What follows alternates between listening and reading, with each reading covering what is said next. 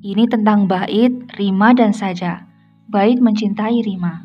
Sajak mencintai Rima, sedang Rima mencintai Bait. Sajak pun terluka.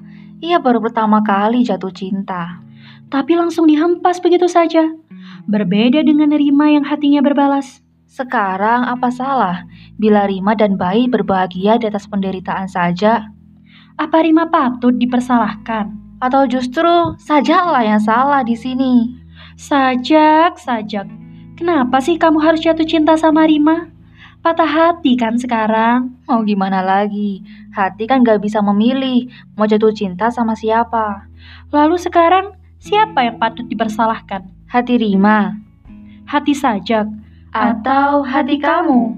Ah, muak aku dengan segala isi hati dan kepala. Ini bukan tentang siapa yang salah.